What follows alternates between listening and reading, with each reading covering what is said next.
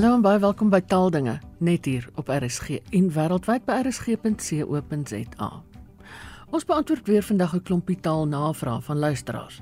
Maar eers, baie geluk aan al die ontvangers van die Afrikaanse Taalraad se kokertoekennings. Die ATR sê die kokertoekennings is 'n geleentheid om die verskilmakers in die Afrikaanse taalgemeenskap te vereer vir die onbaatsigtige werk wat hulle doen. Ek noem gou die wenners. Dr Willem Botha van die WAT te koker gekry vir sy lewenslange bydrae, so ook die veteraan uitsaaier Marietta Kreur. Charlene van der Merwe van Vriende van Afrikaans het 'n koker gekry vir bemagtiging deur Afrikaans. Karin Brits, 'n koker vir die bevordering van Afrikaans, sy is 'n dosent en taalpraktisyn by Akademia. Die taalaktivis Dani van Wyk en voorsitter van die Daknetwerk het 'n koker toekenning gekry vir sy rol in die beskerming van Afrikaans. Die nuusleser, Baron Hafke, het 'n jeugkoker gekry, so ook Marley Kutse, die uitvoerende direkteur van Viva en ook 'n bekende stem op taaldinge. En die ander ontvanger van die jeugkoker is Kanya van der Merwe van Studenteplein by die Universiteit Stellenbosch. Baie geluk aan almal van julle. Nou ja, soos ek gesê het, doen ons vandag weer taalnavrae en my gaste is ouer gewoonte die hoofredakteur van die WAT Dr Willem Botha en 'n senior mede-redakteur Alet Kloete. Willem ons begin by jou. Toe meneer Gert Janse van Rensburg se vraag het oorgestaan van 'n vorige keer. Hy sê: Mors beteken iets soos verkoos. Ek onthou dat die stanger Stef Bos by geleentheid vertel het dat die uitdrukking ons mors ons tyd vir hom so vreemd is. As ek reg onthou, sê Dominee van Rensburg, het Stef Bos gesê dat hy die woord net ken as 'n beskrywing vir kos om 'n kind se mond. Nou is sy vraag: Het mors in die betekenis iets te doen met mors in die woord mors dood?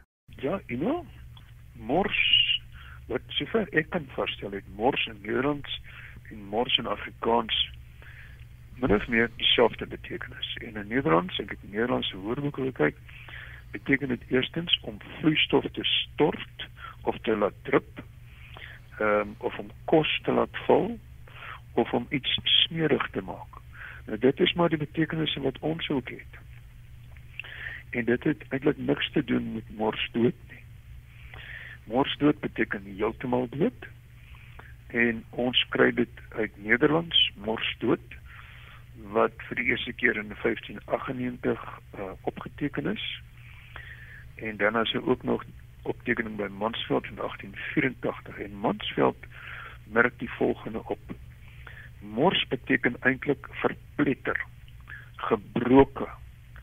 En dit kom van 'n baie ou werkwoord morsen wat verpletterend beteken. En vir vermorsen hou verband met vermorsel, mortier en moord. Dis regtig 'n moorddadige klompie woorde. Nou die Nederlands morsdood kom uit die Nederduits moersdot. En dis 'n samestelling van moers wat beteken heeltemal en dot wat dood beteken. Maar 'n baie interessante feit is dat vanuit Afrikaans het morsdood ook oorgegaan in Suid-Afrikaanse Engels in die vorm moers dood en dit is opgeteken vir die eerste keer in 1893. Ek moet sê hierdie herkoms van woorde is altyd vir my die interessantste deel van hierdie program. Ja, en mense is ook nogal baie geïnteresseerd daar. Ja, ja. Alet, Tinus sê hy het 'n spookerige vraag. Hy wil graag weet waar die volgende woorde vandaan kom en of hulle bestaan in ons taal of ons geskiedenis. Nou die woorde is spookasem en spookpiepie. Hy sê verder: Spookpiepie is 'n woord wat aan my geleer is deur my pa en my oupa vir Q20 of enige ander van daai oliebasisvloeistof in 'n spuitblikkie tipe goed. Ja, dit is nou baie interessant omdat spookgelowe oeroud is. En dit is dan nou ook van die vroegste tye af deel van die Afrikaanse volkskultuur wat ons nou maar ook uit die Germaanse kultuur geërf het en die spookvrou wat as die heks van Hexrivier bekend gestaan het, het glo al kort na 1700 begin ronddwaal. As ons in die WAT die Woordeboek van die Afrikaanse taal gaan kyk na die samestellings met spook, is daar sommer 'n ellelange lys. Daar is byvoorbeeld spookboule, dit is nou die bowlers wat die goalballe en die draaiballe bou.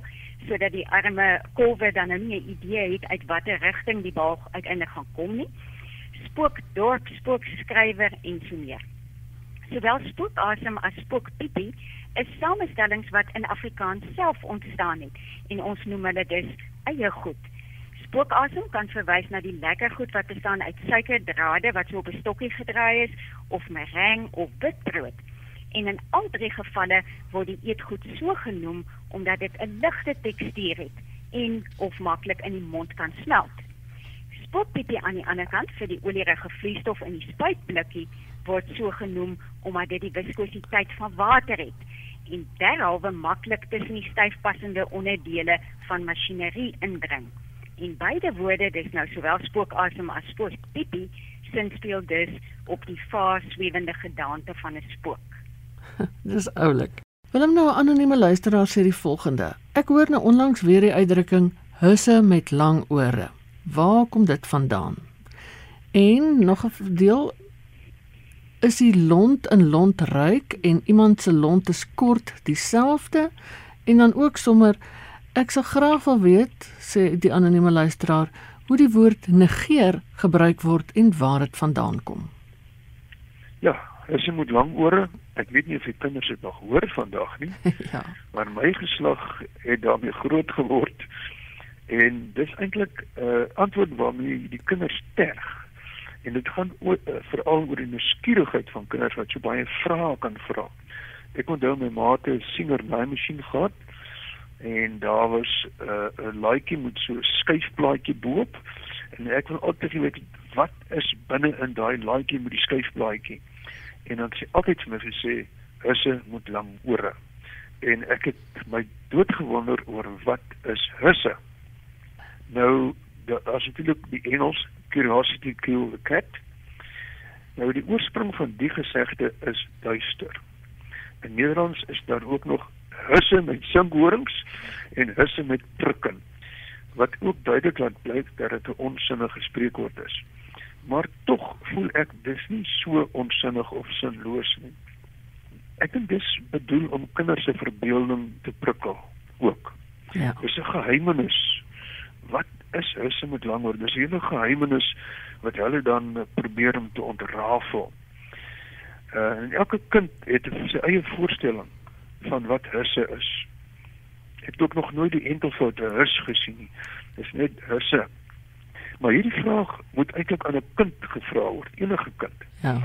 Ehm um, vir al luisteraars wat onlangs die TV-program kyk wie praat gesien het kan net dink wat daai slim kindertjies sou geantwoord het op 'n vraag wat beteken huis en met lang ore. Nou wat betref lont, die lont wat kort is en die lont ryk, dit is dieselfde lont ja. Iemand se lont is kort beteken iemand verloor gou sy neer.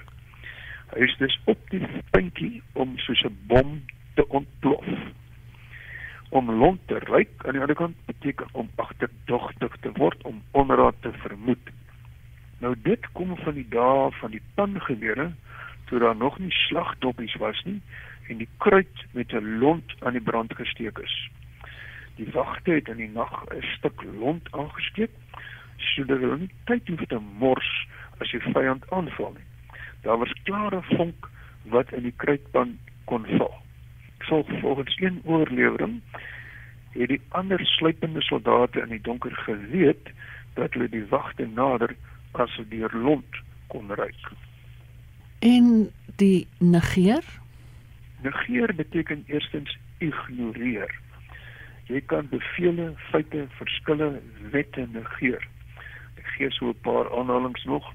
Die belange van die kind mag nooit genegeer word nie ons kan nooit diself negeer nie het John Ambidge gesê en dan laastens altyd was sy bewus van die knaande pyn maar met 'n dapper wilsbesluit het sy dit negeer so in die eerste plek beteken negeer ignoreer dan tweedens kan dit beteken oneffektief of ongeldig maak of ontken jy ontken dit dood eenvoudig jy ignoreer dit Maar die mees algemene betekenis is om buite rekening te laat om te ignoreer, maar of iets of iemand nie bestaan nie. Nou die herkoms is baie interessant. Dit kom uit Nederlands negering en die oudste betekenis is in 1581 opgeteken in Nederlands en dit die betekenis daarvan was om die waarheid van 'n stelling te ontken. Nou die Nederlands gaan terug na die Latyn negare wat beteken het nee sê of ontken.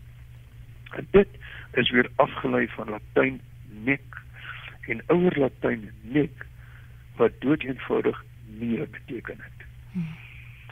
Negatief gaan ook terug op Latyn en wel na negativus wat ook van negare afgelei is, negare om te ontken. So dis 'n hele negatiewe kaboedel. Hmm. Willem, as ek reg dat dit half van onbruik verval het, mens hoor dit byna nooit. Die woord negeer bedoel ek nou. Jy kom dit tog jy kom dit tog te, maar miskien minder ehm uh, as in die verlede. Eh uh, miskien maar omdat die vlak van kommunikasie besig is met bietjie te daal. Maar eh uh, in die sin van ontken hoor jy dit tog nog hoor. Ehm um, Louis Nel van Mosselbaai sê Ek hoor gereeld die ekonome praat van die ripple effek wat byvoorbeeld deur hoër brandstofpryse veroorsaak word. Dit klink nie reg nie. Is ripple effek korrekte Afrikaans? Alet? Nou die luisteraar se aanvoeling is hier weer eens korrek. Ripple effek is 'n leenvertaling van die Engels ripple effect en dit is nou nie verkeerd nie, maar daar is tog beter Afrikaanse alternatiewe. Ons kan byvoorbeeld praat van 'n rimpel-effek of 'n rimpel-uitwerking, 'n kring-effek of 'n uitkring-effek. En uh, wanneer ons nou gaan kyk na hoe rimpel in die WAT gedefinieer word, dan lees ons ligte uitkringende golwende aksie, soos wat tipies in water of vloeistof ontstaan wanneer dit versteur word, soos wanneer 'n mens nou byvoorbeeld 'n klippie in 'n dam sou gooi. En dit is dan nou beeldend van die uitwerking wat iets soos byvoorbeeld hoër brandstofpryse op ander sektore van die ekonomie kan hê. Jan Lou vra hoe die woord skoenlapper in mekaar steek. Dit klink vir hom na 'n skoenmaker, maar tog verwys dit na 'n vleiende insek. Willem? Ja, hy is in 'n groot mate reg. Uh dis 'n insek met vier bont gekleurde vlerke en twee dun voelhorings. En dit kom uit die Nederlands skoenlapper. Met die oorspronklike betekenis skoenhersteller samestelling van skoen en lappen. So dis die ou wat die skoen met lappe regmaak.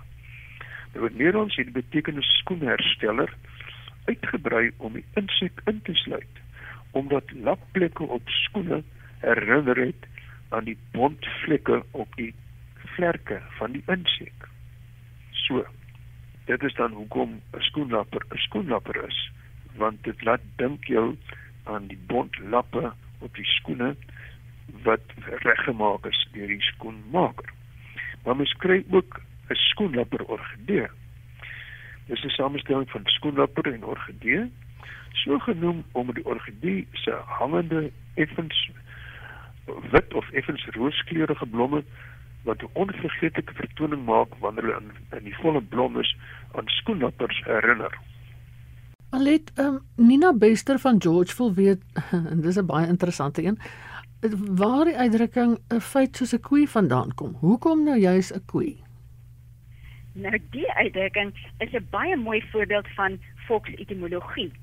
En volksetimologie is die vervorming van vreemde of onverstaanbare woorde in die volksmond tot woorde wat dan nou vir ons bekend klink en dit was ook met humoristiese gevolge. 'n Feit soos 'n koei is 'n omvorming van die Franse frase fait accompli wat 'n voldonge feit beteken. Ander voorbeelde hiervan is 'n kokkerot uit die Engels cockroach of bicycle uit Engels bicycle en verda wat dan nou kom uit die Duitse vraag wer is daar? Wie is daar? wat die uitroep van 'n militêre wag was. Willem, die volgende een dink ek is gaan baie interessant wees om te hoor wat dit beteken.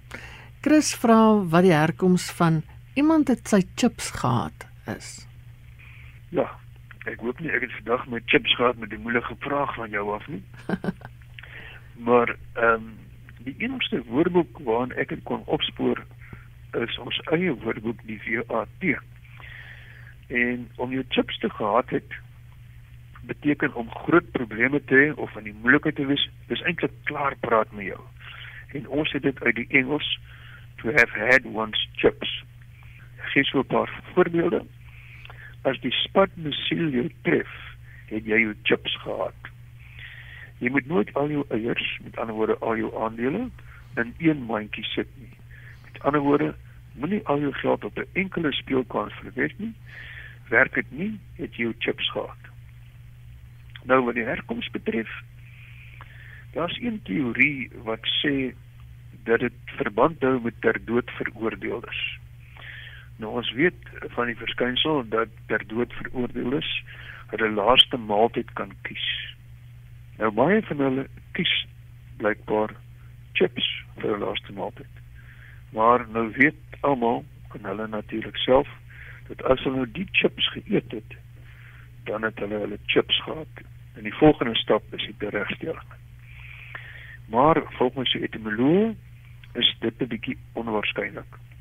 En 'n meer waarskynlike verklaring vir die herkoms van om jou chips te gehad het of dan nou to have had your chips is dat die uitdrukking uit die dommelwêreld kom. Die gekleurde skyfies wat in 'n casino gebruik word, verteenwoordig geld. Indien 'n speler al sy skyfies verloor het, kan hy nie meer speel nie. En dan het hy sy chips gehad. Of dan al sy chips gehad, né? Mm -mm. Waar kom die skuur in Skiereiland vandaan? Vra Elna van Wyk. Alet? Nou, dis ook 'n interessante een. Skiereiland gaan terug op die Nederlands Skiereiland. En Skier beteken byna omdat die Skiereiland dan met 'n smal gedeelte aan 'n vasland verbind is en dis byna 'n eiland is, word hy 'n Skiereiland genoem. En dit is gevorm na analogie van die Latyn pine en insula wat dan peninsula is en ons dink hier ook aan die Engels peninsula wat by dieselfde klink. Nou daar's nog 'n hele klompie vrae wat oor staan tot 'n volgende keer, maar hier roep ons halt vir vandag. Dankie aan Dr Willem Botha, die hoofredakteur van die Woordeboek van die Afrikaanse taal, en Alet Kloete, 'n senior mede-redakteur by die VAT, vir julle voorbereiding en baie interessante antwoorde. En natuurlik, baie dankie vir die vrae. Ek ontvang dit graag. My e-posadres ina@rsg.co.za. Net 'n herinnering. As jy wil help verseker dat die werk aan die VAT voltooi word, borg gewoord. Al die besonderhede is op die VAT se webwerf. Dis dan al vir vandag. Geniet die res van die dag in RSG se geselskap. Bly veilig, bly gesond en van my Ina Strydom groete tot 'n volgende keer.